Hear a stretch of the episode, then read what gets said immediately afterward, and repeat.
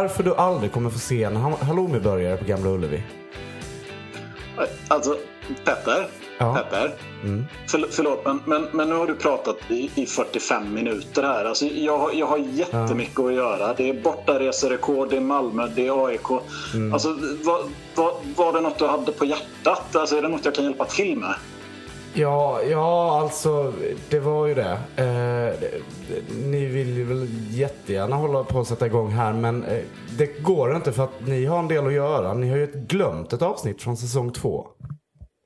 Vadå glömt ett avsnitt? Alltså, Petter för fan, alltså, vi, vi har stängt arkivet för helgen. Fem Gö... har gått hem. Alltså, vad menar du?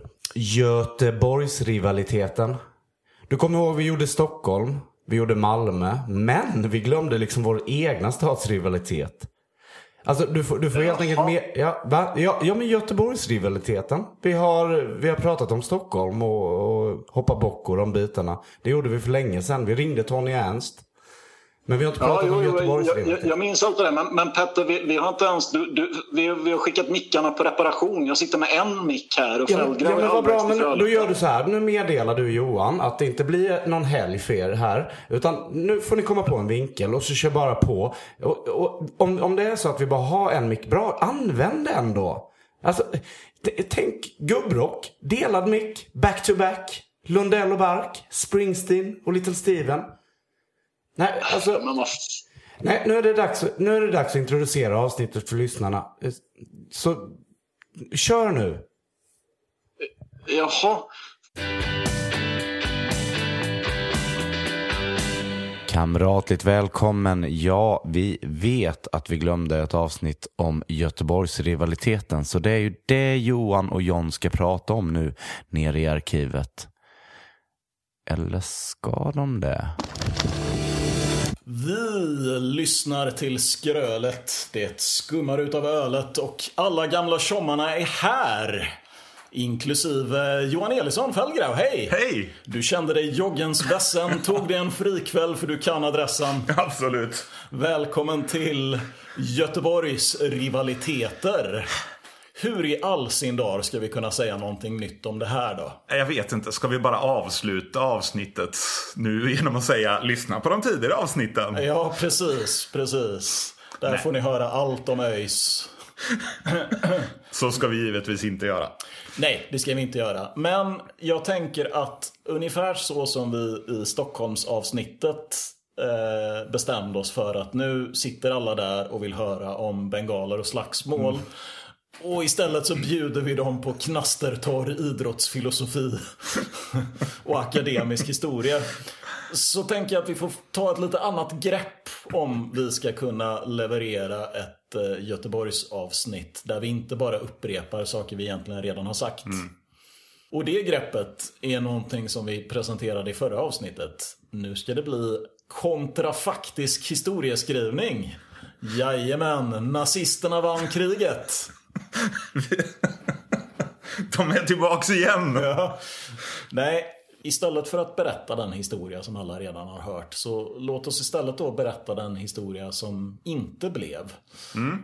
I det här arkivsnacket så ska vi titta på alla de rivaliteter som kunde ha uppstått. De derbyn som aldrig spelades. De stora fantastiska drabbningarna på eh, Ullevi eller på idrottsplatsen som aldrig riktigt blev av på grund utav att lokalrivaler som en gång i tiden hade sitt ögonblick i solen, sina minuter i rampljuset, ja de lyckades inte riktigt mm. hänga kvar. Uh, det FC Gotia vi aldrig fick. Det FC Gotia vi aldrig fick. Det kanske är ett bra avsnittsnamn. Um, så vi ska gå tillbaka hela vägen till början och så ska vi titta på IFK Göteborg, rivalerna som aldrig blev. Mm. Och det första vi ska göra då, vet du vad det är? Vi ska gå tillbaka innan IFK fanns. Vi ska prata om det IFK som aldrig blev. Ah. Och jag tänkte börja eh, den historien med att eh, berätta om en bild för dig. Får jag göra det? Det får du göra. Det är en bild på en fotbollsplan. Eh, I förgrunden ser man en, eh, en rejäl vattenpöl. Eh, och det är ganska tydligt att det är inte Champions League-nivå på gräsmattan. I förgrunden syns två spelare i kamp om bollen. De ena, eh, den ena spelaren är eh, vitklädd eh, och han går till anfall, eh, försöker skjuta. Eh, han tillhör ÖIS. Men hans skott blockeras av en spelare i det andra laget. Som iklädd randig tröja kastar sig fram och hjältemodigt täcker skott. Om du fick höra att det här är en bild från det hetaste derbyt det året. En av de mest omskrivna matcherna i Göteborgsfotbollen. En, eh, en verklig publikdragare. Vilka skulle du säga, vilka är det randiga laget? Jag vet ju att det inte är Blåvitt. Nej, precis. Men jag säger Blåvitt. Ja. Nej, eh, det här är alltså Göteborgs idrottsförbund, eller förbundets lag som de populärt kallades. Och matchen som den här bilden är tagen ur, det är eh, semifinalen i eh, Svenska idrottsförbundets mästerskapstävlingar, det vill säga SM som hölls i månadsskiftet juli-augusti 1903. Det här är alltså över ett år innan IFK mm. Göteborg bildas. Um, och du som jag, som är hyfsat uh, bekant med den tidiga idrottshistorien, vet ju att uh, de här SM-tävlingarna var ganska udda tillställningar. Exakt. Uh, så det här svenska mästerskapet är en ren Göteborgsuppgörelse. De rödblå de rödblå dominanterna deltar såklart. Det gör även GIF. Eh, samt Krokslätts IK. Oh.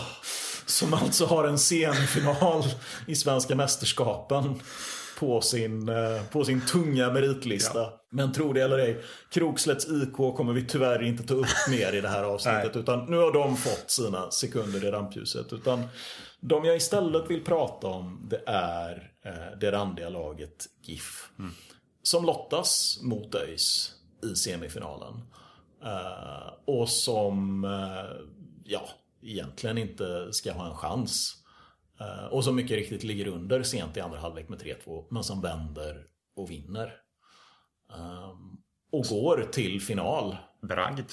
Bragd på den här tiden. Absolut. en, en gedigen bragd. En, en skräll i megaformat. Mm. GF går också till finalen som man vinner. Och man blir därmed det första Göteborgslaget utanför Örgryte som plockar hem ett SM-guld. Och jag börjar prata om det här därför att det här är en sån där punkt där man liksom kan se historien dela sig ja. i två grenar. Förstår du vad jag menar? Ja, jag gillar ju fysik. Jag tänker mig att det, när man pratar om så här alternativa universum och vissa teorier, fullt seriösa fysiska teorier är ju att det finns alla universum där det grenar sig. Du menar att någonstans så finns ett universum där Göteborgs idrottsförbund är det stora laget i Göteborg? Någonstans finns det ett universum där du och jag sitter här och pratar om, pratar om GFs historia. Och att det är, vi, vi, vi möter, vi ska säga att vi spelar in det här på kvällen innan GIF, matchen mot Giffarna Sundsvall i kuppen men, men det finns en historia som, som egentligen inte, det hade inte krävt så mycket. Nej. För att det skulle vara Göteborg som var hemort för Giffarna. För under den här tiden, som är alltså strax innan Blåvitt bildas, eh, så finns det... Det finns inte så mycket konkurrens Nej. i Göteborgsfotbollen. Eh, men, men det sker en brytpunkt kring de här åren 1902 och 1903 därför att Förutom då eh, ÖIS som i princip har spelat mot sig själva för att kunna få något motstånd överhuvudtaget. Ja. Så, så uppstår det föreningar som satsar på fotbollen. Uh, Gårda SK är sådan, en sådan förening. Mm. GFF som vi ska prata mer om sen är en annan sån förening. Men det är Göteborgs idrottsförbund som, som når längst. Som ju tar ett SM-guld. Ja. Um, och det utkristalliserar sig också en väldigt, väldigt tydlig konkurrens med ÖIS mellan de här två lagen. Och det som sker bara något år senare när IFK Göteborg bildas. Det är ju att IFK på uh, ganska kort tid mm. någonstans ärver den här GIF-rivaliteten. Ja. Um, GIF är ju ett lag som många av IFK Göteborgs grundare har en bakgrund inom. John Sävström har spelat där. Uh, Nisse Andersson mm. uh, spelade i andra laget länge. Uh, Nisse Andersson uh, värvade också ganska många spelare från GIF till Blåvitt när Blåvitt kom igång. Just för att fotbollssektionen i Blåvitt skulle få bästa möjliga start. Uh, och det skriver man rent ut i jubileumsskrifterna att det var tack vare att Nisse Andersson plockade över duktiga fotbollsspelare som han kände sedan tidigare från sin tid i GIF. Mm. Som gjorde att Blåvitt kunde växa sig starka. Men, men det finns ju då den här andra vägen som man inte slår in på. Det är ju att Giffarna bestämmer sig för att köra vidare i sin egen förening, i sitt eget lag. Eh, att man får mer smak på det här. Att nej, men liksom, vi, vi fixar ändå att hålla ställningarna här. Det här kan bli någonting. Att man liksom kör vidare på det mm. spåret istället. Att man inte förstärker den här Annedals uppkomlingen med spelare utan att man väljer den andra vägen. Och ja, då kanske det är så att vi, vi står där på läktaren idag och... I höga hattar och, och är överklassklubben i Göteborg också. För vet du vad, vad GIFs mål var? Nej, berätta. Ja, jag tar fram och läser vad GIF var rätt stora. De hade över tusen medlemmar rätt kort efter att de startades. Mm. Um, de ville verka för rättvisa och, och, och, så vidare. Men ur en liten annan synvinkel. Så här, så här står det i eh, vad, vad de strävar efter.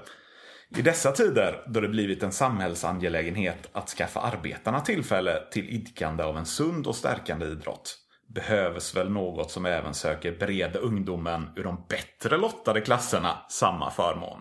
Och detta kommer även att bliva Göteborgs idrottsförbunds ändamål. Så om ÖIS var det var ju egentligen medelklassens klubb, ÖIS kanske. Så mm. siktade Göteborgs IF på att bli överklassens klubb.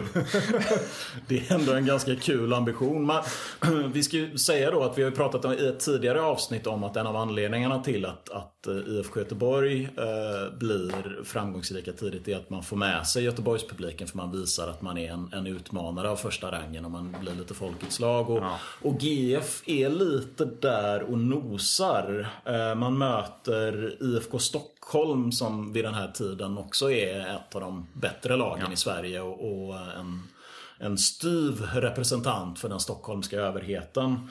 Eh, de möter man på våren 1904 på hemmaplan. Och då står det i pressen att, att DGF har väldigt tydligt liksom, det är kraftfulla ovationer där de gör mål och, och medan publiken står helt tyst med korslagda mm. armar när stockholmarna gör någonting bra.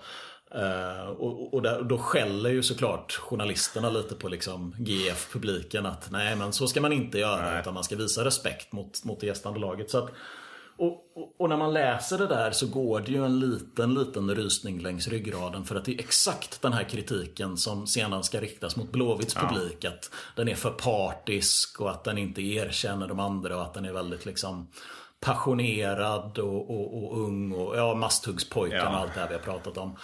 Uh, och det finns glimtar av det där. Det, det är som att i den här liksom i, i den här um, vad ska man kalla det, soppan av olika lag och föreningar. Eh, Sävas lag som spelade på Heden, Annedals sportklubb, Idrottssällskapet Kamraterna i Annedal. I den här soppan som, som utgör liksom eh, fonden eller buljongen som vi kokar IFK Göteborg av. Ja. Så är GF en, en jätteviktig ingrediens. För där har man så många av de beståndsdelar som man skapar IFK Göteborg av. Man har den starka liksom, eh, kapaciteten att utmana idrottsligt. Eh, man har eh, lite publiktycke mm. och man har en väldigt tydlig rivalitet och, och antagonism. Just matcherna mot ÖIS är ju eh, verkligen, alltså det är flera skandaler eh, när de här två lagen möts. Det ÖISarna vägrar ställa upp till match vid något tillfälle för att det är så fruktansvärt infekterat mellan föreningarna. Vi har också den här incidenten där eh, Giffarna slår en öisare på käften i, i en match i, i Nordiska mästerskapen.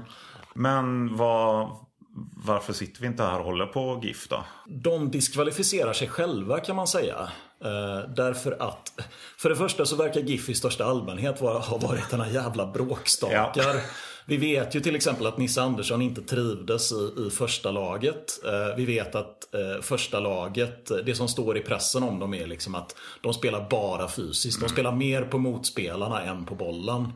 Eh, vi vet också att eh, John Sävström hävdar att en av anledningarna till att han inte ville spela vidare var för att det var väldigt stora konflikter mellan GIFs första lag och andra mm. lag. På den här tiden så hade ju alla de här, de här liksom klubbarna hade ju liksom lag 1, lag 2 och lag 3 och så vidare. Som allihop ställde upp i olika tävlingar. Ja. Så att GIF verkar egentligen ha styrts och ställts av ett gäng ganska, eh, vad ska man kalla dem? Pampar! Ja, Nyckfulla. Nyck, ja, svåra att ha att göra med. Ja. Och, och, och, det som händer det är ju att eh, eh, Svenska bollspelsförbundet kommer till Göteborg och, och, och blir eh, en organisatorisk eh, drivkraft bakom fotbollen. Och Svenska bollspelsförbundet är eh, ganska hårt förknippade med ÖIS och med GFF. Och, och, och, då ska man ju säga att Göteborgs fotbollsförening, det här kommer du komma in på senare, ja. men de är ju bildade av Wilhelm Friberg och så vidare. Så GF bojkottar allt som organiseras av Svenska Fotbollsförbundet och man bojkottar matcher mot ÖIS. Vilket ju innebär för deras del att de lite försvinner från fotbollskartan. Därför att de deltar inte i de, det organiserade seriespelet. Som väldigt mycket är en, en, någonting som Svenska bollspelsförbundet drar igång här då 1904. Och samma år bildas ju IFK Göteborg. Mm. Där, som jag varit inne på tidigare, Nils Andersson drar med sig folk ur andra laget. Um, så på ganska kort tid så bråkar man bort sig själva ur rollen som de stora utmanarna som publikens gunstlingar. Mm. Och, och, bara ett par år senare, vi, vi, det har vi också nämnt tidigare, att 1907 så, så breakar ju Blåvitt på bred front. Eh, när man lyckas besegra i en hemmamatch. Och därefter är liksom Göteborgs idrottsförbund inte riktigt med längre utan då är det Blåvitt. Ja. Eh, men hade man inte varit såna jäkla bråkstakar utan varit lite smartare, kunnat tänka lite mer långsiktigt. Mm. Att ja, jo, vi är sura nu men om vi liksom biter ihop och kör vidare så hade man kanske kunnat stå emot den nya tiden, den nya föreningen ja. på ett annat sätt och, och, befästa sin ställning som, som det andra laget i Göteborg. Och vem, vet som, vem vet vad som hade hänt då? Ja. Så, så där har vi GF, eller eh, Alternativa Universums Blåvitt om vi nu ska kalla dem för det. Ska, ska, vi, eh, ska vi titta på Alternativa Universums Guys? Ja! ja. De har ju en relation till, till GIF eftersom det var de man som GIF mötte i den där SM-finalen. Om mm. jag inte minns helt fel. Ja, vann med 5-2 gjorde GIF. GFF eh, var ju som, som förlorare då. De startas ju egentligen av, av ÖIS. För att ÖIS tyckte att det inte fanns några utmanare i stan. Eh, Ganska rakt av en farmarklubb. Ja, de, de bildades 1897 för att ja, agera farmaklubb till, till ÖIS. Eh, för att kunna plocka upp spelare som sen skulle gå till, till ÖIS. Och Wilhelm Friberg satt ju i GFFs styrelse eh, också. Eh, och GFF var egentligen en... Efter att GIF föll, föll eh, bort från, från kartan så var det GFF som tog upp platsen som eh, utmanare i Göteborg. Eh, ÖIS och IFK hade liksom stadgat sig som de två stora lagen. Ehm, och Gais som förvisso bildades 1894 och började spela fotboll 1897 slutade sen spela fotboll. Så att det fanns inte något tredje lag i, i stan på, på ett tag som, som kunde utmana. Men GFF eh, var till exempel ett av tre Göteborgslag som spelade den allra första nationella serien 1910. Eh, man eh, uteslöts förvisso Uh, ur, ur den upplagan efter att ha snuvat. Det, det var inte därför man uteslöts. Men man snuvade ju IFK Göteborg på den första segern. Genom att i avgörande sista matchen vid IFK-vinst så hade man vunnit hela serien. Men, men man förlorade mot GFF. Jag hatar GF. Ja. eh, och därefter så eh, ångrade man sig och fick komma tillbaks till nästa säsong av, av eh, svenska serien. Där man, där man absolut inte var någon slagpåse utan ändå kunde hävda sig. Men man hamnade i en rätt prekär situation ekonomiskt. Eh, och hade brist på ledare. Så från 1912 och framåt så drog man sig egentligen ur seniorfotbollen helt. Trots att man hade gjort två bra säsonger i, i svenska serien. Vi, vi ska ju säga att GFF finns ju kvar. Ja. Som eh, ett ganska så etablerat lag. Polkagrisarna. Precis. De spelar med. Absolut eh, en mer klassisk förening i Göteborg om man ser till, inte meriter, men historik och ja, ja, gud, den det, delen. Ja, men verkligen. Alltså, det är det tredje äldsta laget i Göteborg. Mm. Och, man, och man börjar ju också se här då om, om, om, ambitionen med det här är att måla upp ett alternativt universum så, så börjar man ju liksom se konturerna här nu då av, av en Göteborgsfotboll där de tre tunga lagen, det är, ja, men vi har ÖIS, vi har GIF och vi har GFF. Ja. Där har vi liksom den klassiska trojkan. Det, det är det som är Göteborgs alliansen. Ja. Och det är det liksom Giffarna och GFF-arna som, som uh, springer på derbyn tillsammans. Och polkagrisarna ska möta randiga GIF nu och så vidare. Precis. Ja, det är en skrämmande bild du målar upp. Men ja. Men den ligger inte så långt bort ändå. Det, det, det, är ju det här som gör mig, det här kan verkligen göra mig ödmjuk. Att, att man läser den tidiga fotbollshistorien. Man förstår att det är ett sådant det är så osannolikt att det ska bli just IFK Göteborg av alla lag som, som krånglar sig igenom alla de här nålsögonen, alla de här kriserna och, och, och motsättningarna och, och, och skaffar sig den position som man har. Det är verkligen inte det är absolut inte givet på något sätt överhuvudtaget. Utan jag tror, alltså hade du stått där eh, på grusplanen 1903 och sett, sett giffaren kasta sig för att täcka skott i den här jävla vattenpölen. Om du då hade tänkt liksom, var är Göteborgsfotbollen om, om 20 år? Då hade mm. du nog tänkt att ja, men det kan nog vara så att det är det är GIF som är, som är laget att slå. Precis, och, och det finns en sån specifik vändpunkt skulle jag säga i GFFs historia också. Och den här punkten infinner sig väldigt kort innan GFF hamnar i liksom ekonomiska problem. Det, det är svenska serien 1911-1912. Man spelar höst-vår. Ehm, det är Göteborgsderby. IFK GFF eh, det har varit ett tufft år för IFK. Eh, vi minns kanske 1911 som det värsta året av de första när vi hade tappat spelare, ekonomin var i sank. Anton Johansson hade uteslutit oss ur, alla officiella ja, SVFF-tävlingar. Det här gick vi igenom i Stockholmsavsnittet, ja, Kids. Precis. Eh, så, så det var inget eh, det var inget superstarkt IFK som, som kom till match. Och GFF eh, dominerade matchen inför 1500 åskådare. Vallhalla. Fredag. Mm. En riktig god tillställning. Ah, åh, jag kan känna ja. Fan, fredag kväll på Vallhalla, derby. Gust Gustav Sandberg i motståndarlaget. Gustav Sandberg, åh, oh, nu dyker han upp igen. Åh, oh, vad man hade stått och hatat ja. i den där klacken. GFF leder med 2-0. Mm. här, här finns det någonting sånt här. Här, här kan GFF ta, ta, ta platsen. Ja. Um, sen reducerar och, och kvitterar IFK precis före fulltid. Mm. Um, och strax därpå så är det en derbydags igen. ÖIS GFF. ÖIS hade gått som tåget genom serien. GFF knackat lite och tappat den här eh, 2-0-ledningen mot IFK. Men, men, pressen pratar om den här matchen som här, här är det faktiskt dags att utse vilket som är Göteborgs bästa fotbollslag. Mm.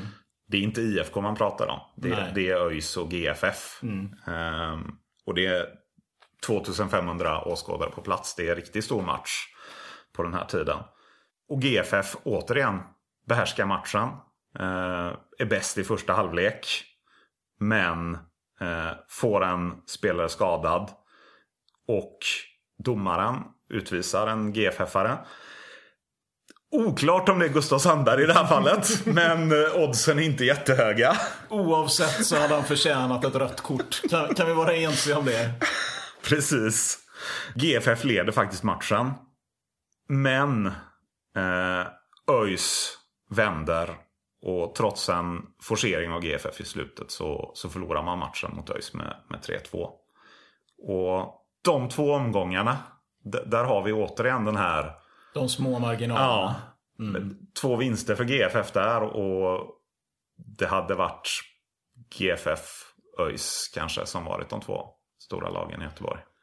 Ja, och, och, här har, alltså jag får ju mer när, när, vi, när vi studerar det här då och, och gör våran research. Så man får ju lite mer, det är lättare att känna för GFF då. Alltså mm. ett, ett GF som, som mer eller mindre skjuter sig själva i foten eller vad man ska kalla det för. Även om jag inte har någonting emot att man liksom eh, försöker gå sin egen väg och, och, och uh, fuck you, ja. vi, vi slåss väl om vi vill och så. Men, men de gör ju liksom de, de tappar ju det utanför planen. Men ja. för GFFs del så handlar det ju om liksom små marginaler, stolpe ut.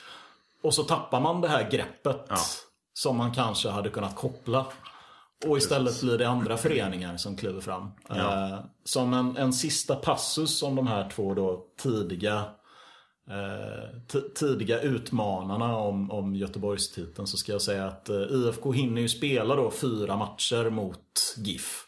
Eh, mot sina onda tvillingar eller vad man ska kalla det. Jag tänkte, vet, ja. Star Trek avsnittet där Spock dyker upp och så har han skägg för det är den onde Spock. Det är det här, GF är IFK Göteborg med skägg. Ja. Med ondskeskägg.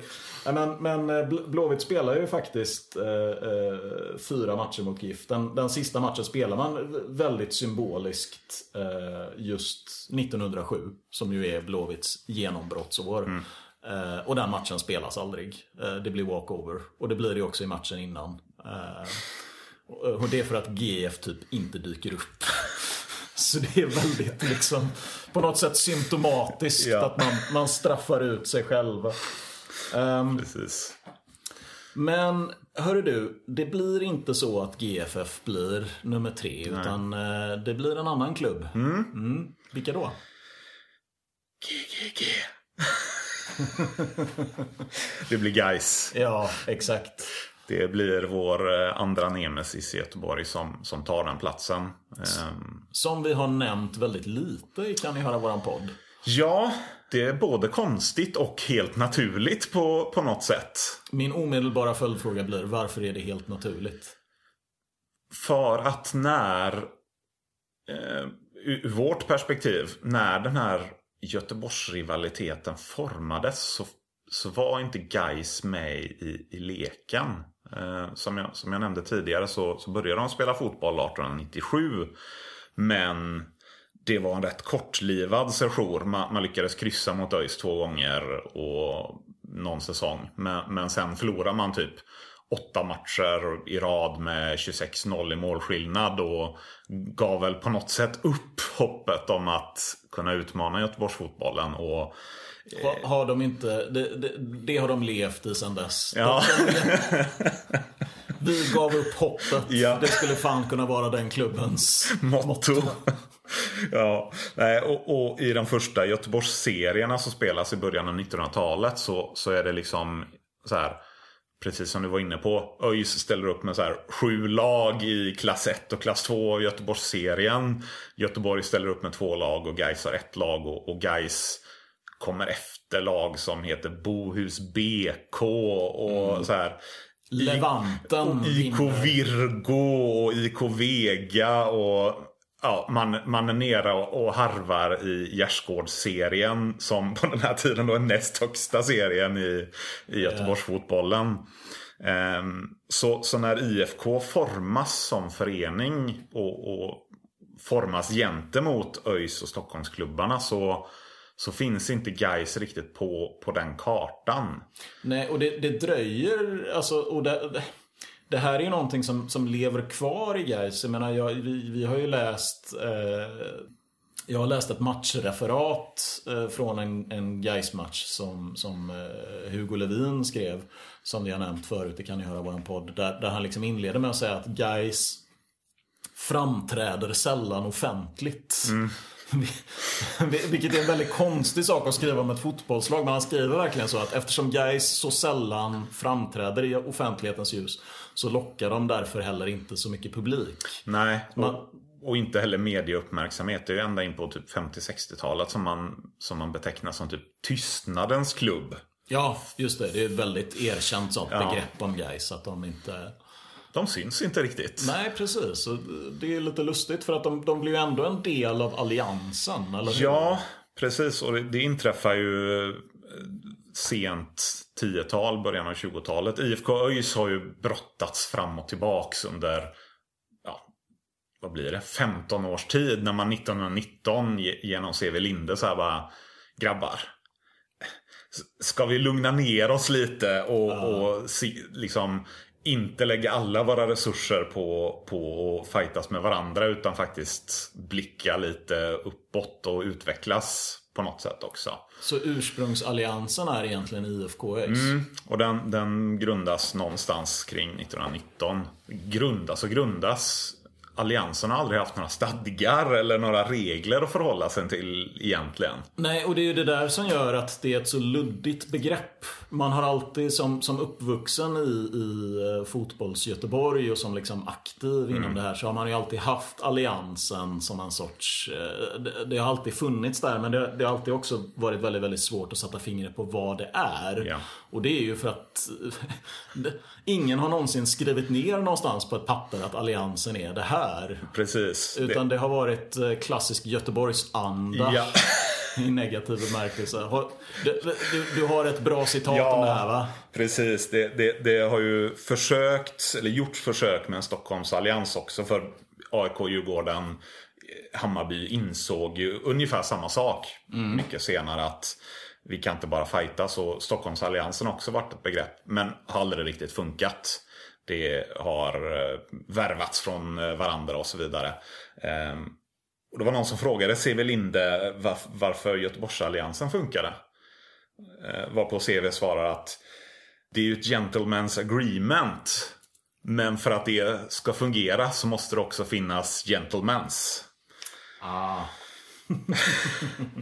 så så det, det, handlar ju om att man helt enkelt informellt kommer överens. Värva inte från varandra. Vi eh, sam, samordnar arrangemang mot internationellt motstånd och så vidare. Eh, och sen när guys faktiskt blir någonting. Man börjar komma upp sig. Man, man får spela svenska serien eh, ett par år.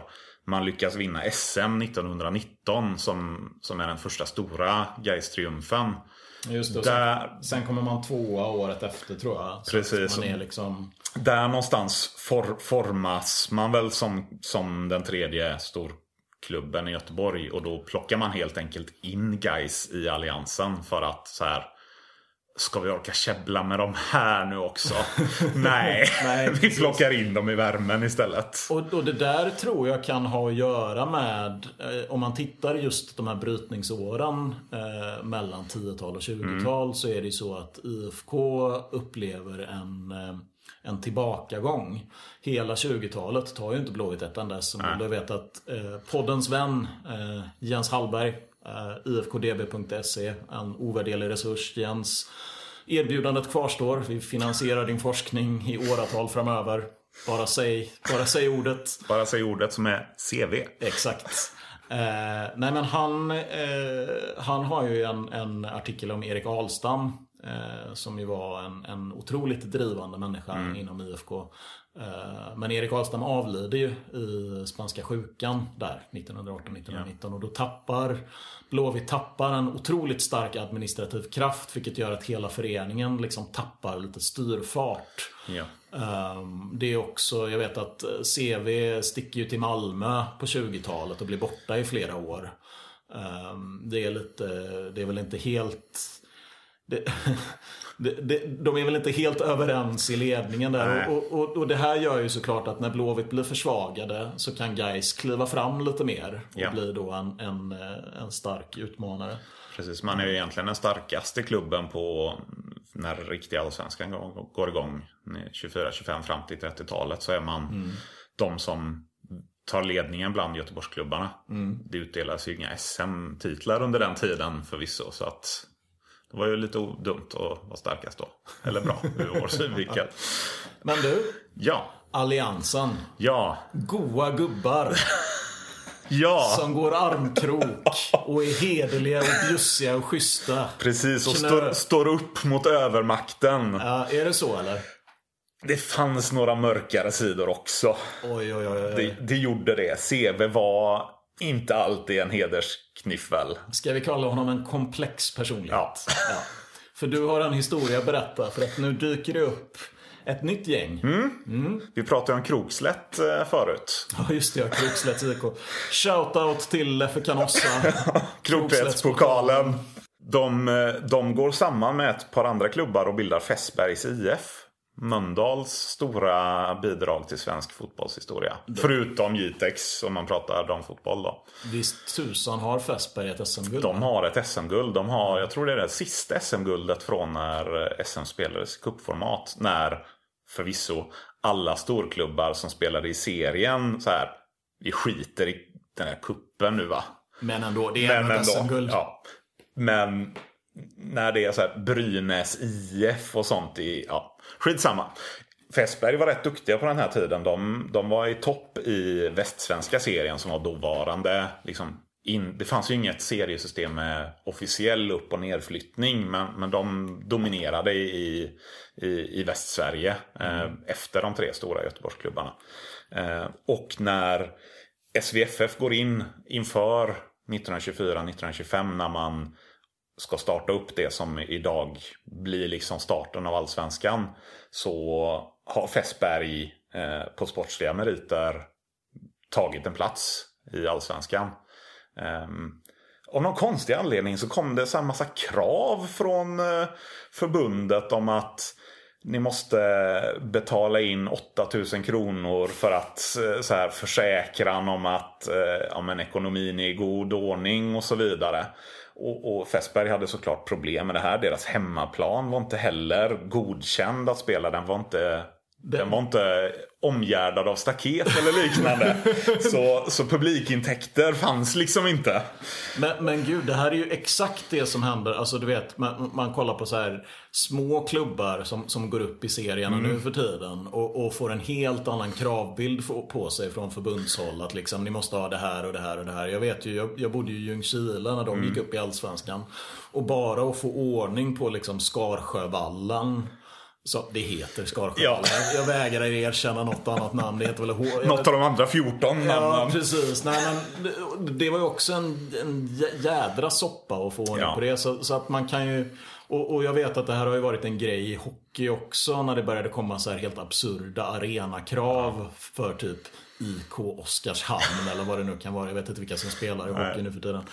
Men, men det här var alltså... eh, Det, det var inte riktigt...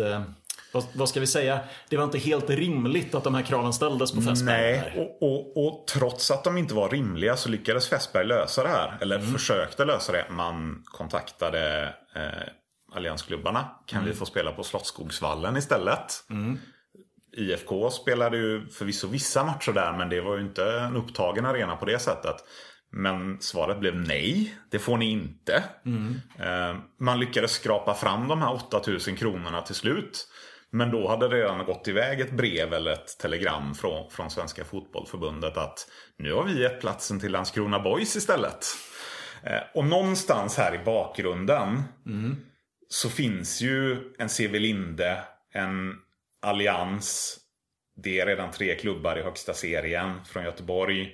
Man är inte jättesugna på att släppa in... eh, Nej, och tappa visst åskådar, publikintäkter och så vidare. Mer konkurrens i stan. Så att, ja. Så, så redan här så pratar vi om lite av en, en eh, monopolsituation i eh, Göteborgsfotbollen. Där de här tre klubbarna som på 10-15 år har, har lyckats fighta sig fram till mm. tätkänning. De är inte sugna på att släppa in eh, uppkomlingar i värmen. Nej, och speciellt inte när man ser kanske Helsingborg som, som kommer upp som en stark utmanare och Stockholmsklubbarna alltid farliga. Så orkar man inte med ett fjärde lag. Och man fular ut man, Fastberg helt enkelt. Ja, det är ju faktiskt, alltså ärligt talat, nu ja. får vi vara lite självkritiska här och säga Ser vi Linde li, lite obror faktiskt. Det, det, är ingen fin episod i, i vår gemensamma historia. Nej.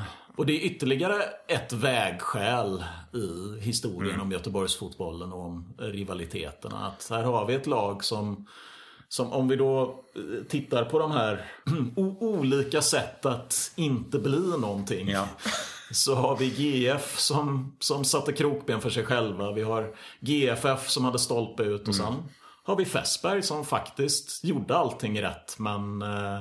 De blev nekade i dörren. Du är lite för full, ta ett varv till. Ja. Trots att de kom helt nyktra. Precis. Det var... ja, precis. Det var... Sticky fingers. Ja på den gamla usch, nu, ah. Många jobbiga minnen. Sevi Linde står i dörren på Sticky Fingers. Och motar, motar ut dig. Precis. Ja. Och, och den här, den här eh, motviljan mot nya utmanare. Den mm.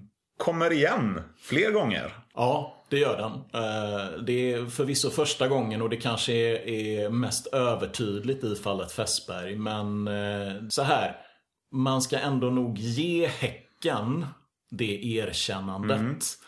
att de efter hundra år verkligen av Göteborgsfotboll lyckades ta sig fram till den positionen mm. som de har. Därför att dörren in till Sticky Fingers den har varit reglad för många andra lag som har varit där och nosat och gjort ja. ett försök. Uh, för nu är det dags att prata om uh, ett annat uppstickargäng. Vi ska prata handboll. Vi ska prata handboll. De vita eleganterna. Oh. Jajamän, Frändesjö.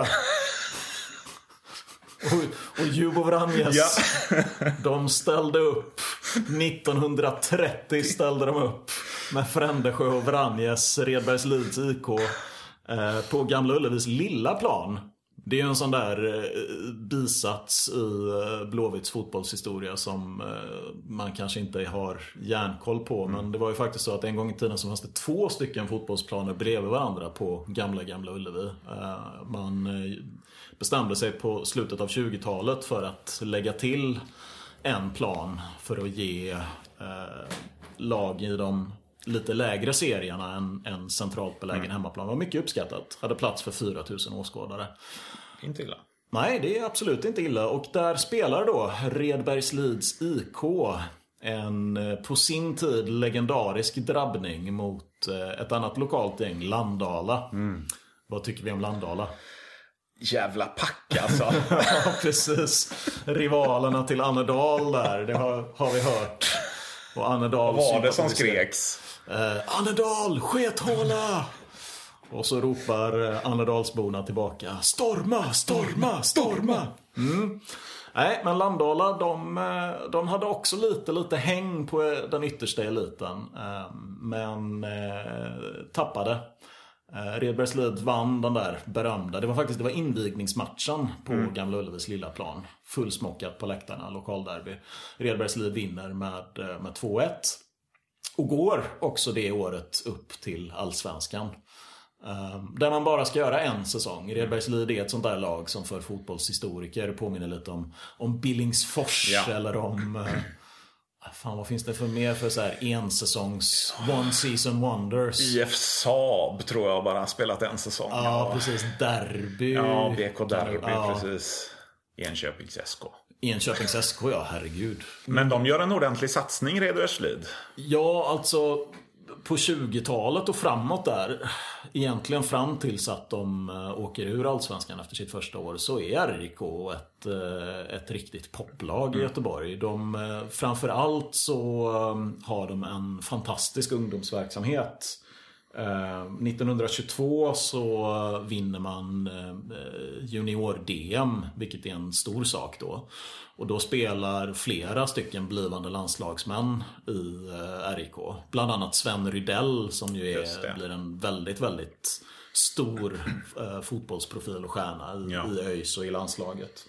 Um, och det innebär ju att man blir en, en plantskola helt enkelt för storklubbarna. Det är ganska många av de här DM-vinnarna som går vidare till alliansklubbarna. Men det finns så, så pass mycket talang att de liksom är där. Hela 20-talet så är de verkligen där och nosar. Alltså, jämför ett topplag i superettan mm. uh, nu för tiden. Um, och är väldigt, väldigt nära flera gånger om. Um, och när man sedan i slutet på 20-talet torskar precis liksom i, i, en avgörande kvalmatch mot IFK Malmö. Då bestämmer man sig för att nej men nu, nu är det dags att liksom, nu, nu kör vi en satsning här. Uh, så då plockar de in, då spetsar de laget. Förutom uh, sina egna produkter som är väldigt, väldigt starka. Så plockar man in um, lite gamla öjsare Ehm, som förstärker bland annat eh, målvakten Robert Sander. Som är en sån där stor målvaktsprofil i, i den tidiga mm. Göteborgsfotbollen. Um, och det här leder till att man går upp i Allsvenskan. Um, man vinner sin division 2-serie uh, sjukt överlägset. Mm. Före Malmö? Före Malmö, ja FF. precis. Före Malmö FF, ja. Malmö FF har inte en chans när Redbergs Leeds IK går till attack. Eh, och 1930 så spelar man Allsvenskan och man gör det ganska bra. Mm.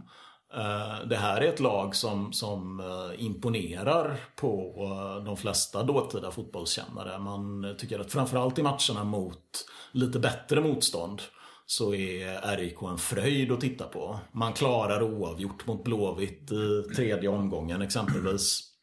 Jag Tror man slår Helsingborg i första matchen också. Som, ett Helsingborg som är Regerande mästare, ja. ja. precis. De irriterar dock många. Eh, jag vet att det finns en, en eh, journalist som heter Harry Lundahl som också var kapten i HF. Som beskrev dem som det ruffigaste lag som någonsin har gästat Olympia. Möjligen en eh, liten... Kan, kan det ha funnits en, eh, en dålig, eh, dålig förlorare som dolde sig bakom den formuleringen? Men så är det ju då det här vad gör vi med lag som sticker upp? Mm. Och framförallt lag som tar sig friheter. För RIK tar ju sig en rejäl frihet det här året i Allsvenskan. Ja. Vet du hur man gör? Man ger sig på de stora lagen.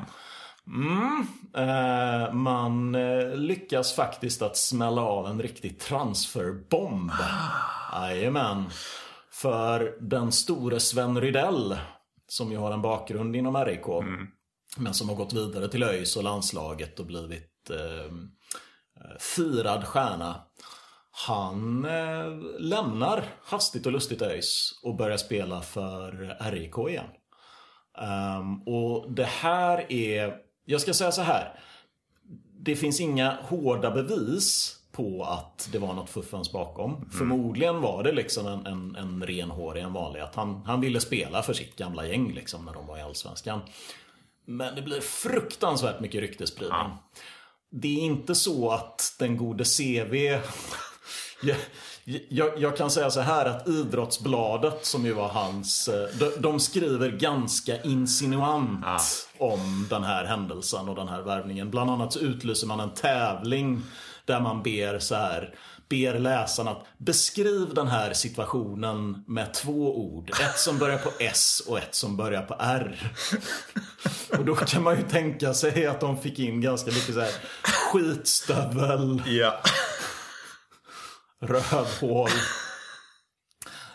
Um, man, man, eh, man, man, valde att censurera de värsta påhoppen. Men, men eh, det var inte helt lätt för, för Sven Rydell i den här övergången. Och, och um, Eh, han, han gör det bra. Eh, faktum är att eh, det här är en sån där liten kuriosa grej men, men Sven Rydell får ju bragdmedalj, Svenska Dagbladets bragdmedalj. Och, och, när han får det så är han faktiskt registrerad RIK-spelare. Mm. Så Redbergs Leeds IK kan, kan föra det till protokollet att man har Svenska ja. Dagbladets bragdmedalj. Nej, men, men eh, han gör så gott han kan och Redbergslid som sagt var, de imponerar mot topplagen men har det svårare mot, mot sämre lag. Och inför sista omgången så, eh, så ligger man risigt till men man har ganska goda chanser att klara det.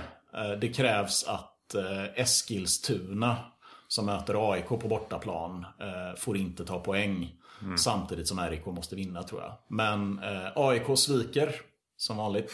Klarar bara 1-1 mot Eskilstuna och RIK åker ur.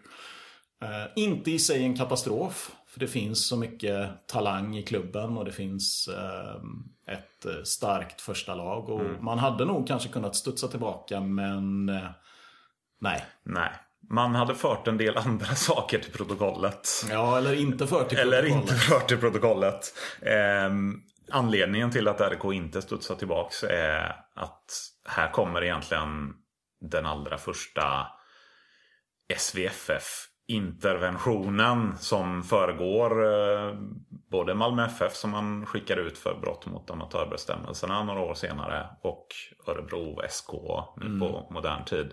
Man är inte helt nöjd med RIKs ekonomi. Nej, det här blir en jättegrej. Det är ju i alla tidningar att eh, hur illa det står till med finanserna. Och, att man, och det kan jag, alltså om man tittar på vad de har plockat in för spelare och sådär så, så, förstår man ju någonstans att här är det ett kvarterslag med, med duktiga juniorspelare och sånt som plötsligt börjar kunna ta in liksom, ja men en Robert Sander, en, ja. en Sven Rydell, en, det, Någonstans så ligger det ju någonting och puttrar där bakom, eller hur? Ja, och, och det är ju inte bara insinuationer utan det skrivs även om att RIK så här.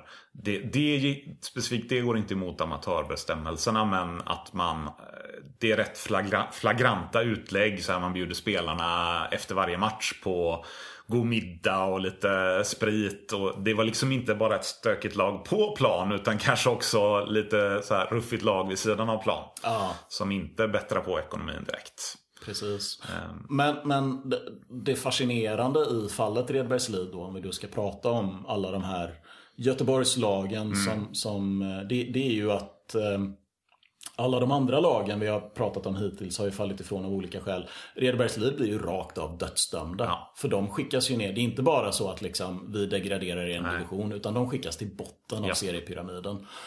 Och de tar ju sig aldrig tillbaka Nej. från det det, det, är ju rakt av så här, det, det, straffet är så hårt så att det går inte att lyfta igen som elitklubb. Precis. Från, framförallt inte när man har gått igenom den härvan med alla svarta rubriker och så. Så att det, det, ju, det, blir aldrig mer än den där enda allsvenska säsongen. Den som ligger bakom det här det är ju Anton Johansson. Såklart. det är han som skriver under dödsdomen. Ja. Ja, det finns olika sätt att misslyckas som sagt var. Det finns olika sätt att inte bli vad det kunde ha varit. Ja. Och ett sätt är att Anton Johansson kliver in med yxan och bara kapar ja. huvudet på dig. Om du skulle få för dig att du är någonting. Men innan vi stänger den här kontrafaktiska butiken mm. så ska vi också prata lite då om eh, det sista laget som kunde ha blivit något det sista laget egentligen då innan Häcken 60-70 år senare kliver fram som eh, en, en spelare värdig att ta på allvar i Göteborgsfotbollen. Eh, vi ska prata om eh, Gårda BK som väl egentligen är de som gör det största avtrycket om man ser till allsvenska meriter. Absolut. Man, man, spelar ett antal allsvenska säsonger och lyckas också bli bästa Göteborgslag ett år. Mm. Uh, är väl mest kända som uh, ursprungsklubb för Gunnar Gren. Uh, även om det inte strängt taget inte var hans moderklubb som var GAIK. Mm. Men Gårda BK kommer upp bara några år efter Redbergslid. Eh, man tar den här vakanta platsen, eller vad man ska kalla det, inom Göteborgsfotbollen som fjärde lag. Och när man går upp 35-36, eh, då gör man det bättre än vad Redbergslid gör. Gårdas första år i, eh, Allsvenskan, då är man bästa Göteborgslag. Och man är det tack vare, jag vet att vi pratade i Skåneavsnittet om det här med Helsingborgssystemet. Mm, precis, Gårdasäcken. Precis, Gårdasäcken. Verkar ha varit ett ganska defensivt system. Eh, dubbla mittbackar. Vem spelar ens med dubbla mittbackar? Eller hur? Två mittbackar. Helt otroligt. Högerback på högerhalvan och så vidare. Um, Gårda är, kan man läsa ganska mycket om om man läser Gunnar Grens andra självbiografi.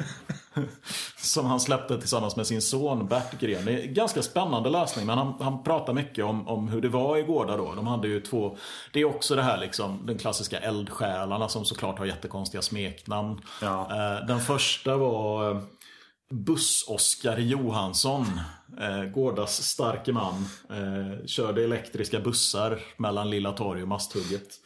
Eh, han, han, var ordförande i Gårda, hade kontor på Storgatan och tillsammans med en eh, spelledare som heter Robert Gustafsson, no relation till komikern, tror jag, så lyckades han få ihop ett, ett eh, klassiskt kompisgäng helt enkelt. Det, det är ju lite av kanske de sista åren det här som, som ett, ett kamratgäng, ett, ett kvarterslag kan ta sig hela vägen upp och liksom utmana i den högsta serien. Det finns väldigt fint beskrivet hur Gårda tränade på Gamla Ullevi och sedan gick man på café oh. som låg precis bredvid. Ett kondis som då tydligen hette Café Ullevi.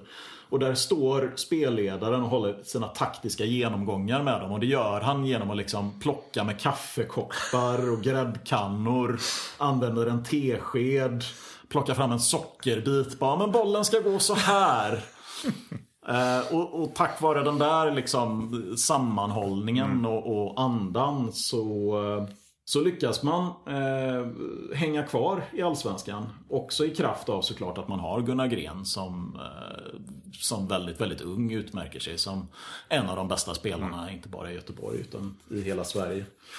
Det här var väl också under en period när de övriga Göteborgsklubbarna inte var som starkast. Jag tror att både IFK, ÖIS och Gais var nere i andra divisionen ett tag på den här tiden. Om inte ÖIS till och med var nere i tredje divisionen. Så man lyckades ju fånga publiken också. Vet du vilka som eh, Gårde har publikrekord mot? Och var Gårdet är? Oh, berätta. Det är inte mot någon annan Göteborgsklubb faktiskt. Utan man lockade 26 000 åskådare. Mm. Det borde ju placera någonstans i alltså topp 5, 6, 7 av publikrekord bland allsvenska klubbar. Ja. Mot IK Brage av alla lag. Det är ju helt sanslöst. Så man hade ju verkligen inte bara spelarmaterialet. Man hade också publikunderlaget för det. Ja, och där flammade upp återigen ett lag som liksom grabbar tag mm. lite i, i eh, Göteborgspubliken. Och man får en känsla av att det här kan ändå växa. Jag menar, har Häcken någonsin haft 26 000? Nej, det har de inte haft. Och det är lätt att man, alltså Gårda är ju nu i bästa fall en parentes. Men, men man måste se deras... Eh, men man får sätta det här i ett perspektiv. När de går upp i Allsvenskan så tror jag inte klubben har inte existerat i mer än tio år. Mm. Och man gör åtta år i Allsvenskan. Det är nästan osannolikt. Ja. Alltså det, det snacka om liksom ett, ett, eh, jag vet inte vad vi ska dra för paralleller, dalkurd. Ja. Någonting liknande liksom. Det är verkligen ett korpgäng som går hela vägen. Åshöjdens BK. Ja, är det någonstans vi har en Åshöjdens saga så, så är det ju i Gårda. Eh, men återigen så blir det det här att, att man orkar inte bedriva det långsiktigt. Mm. Utan när man till slut åker ur då där någonstans mitten på 40-talet då gör man det mer eller mindre för gott. Uh, tar sig aldrig riktigt tillbaka Nej. som elitklubb. Är väl ner, jag har för mig att Gårda rätt länge hade det här. Vilket lag med allsvenska meriter spelar längst ner i seriesystemet? Ja. Och då var det vid något tillfälle Gårda vet jag som liksom spelade i division 7. Uh, Precis. Det, Redbergslid är väl också ett sånt lag som kan platsa i den merit, negativa meritlistan någonstans. Ja, de finns det går snabbt. Ens. Nej, precis. De finns inte kvar som fotbollslag ja. ens längre. Det går snabbt neråt när det väl börjar gå neråt. Precis. Så alla de här lagen vi har nämnt hade kunnat sitta där på en presskonferens och säga att nu, nu blir det FC Gotia. och nu ska vi utmana IFK Göteborg. Ja. Det hade kunnat vara Fässberg, Redbergslid och Gårda det hade i ett ännu tidigare skede kunnat vara GIF och GFF. Ja. Men av olika skäl så blev det inte så. Av olika skäl så är det till slut IFK Göteborg och Gais och ÖIS. Och så nu då Häcken och Frölunda som är mm. ditt och mitt respektive kvarterslag. Men nu har vi gått igenom den kontrafaktiska historien. Vi har pratat om det som kunde ha blivit och som inte blev. Nu ska vi lämna arkivet och så ska vi ringa ett samtal och så ska vi prata om det som faktiskt blev.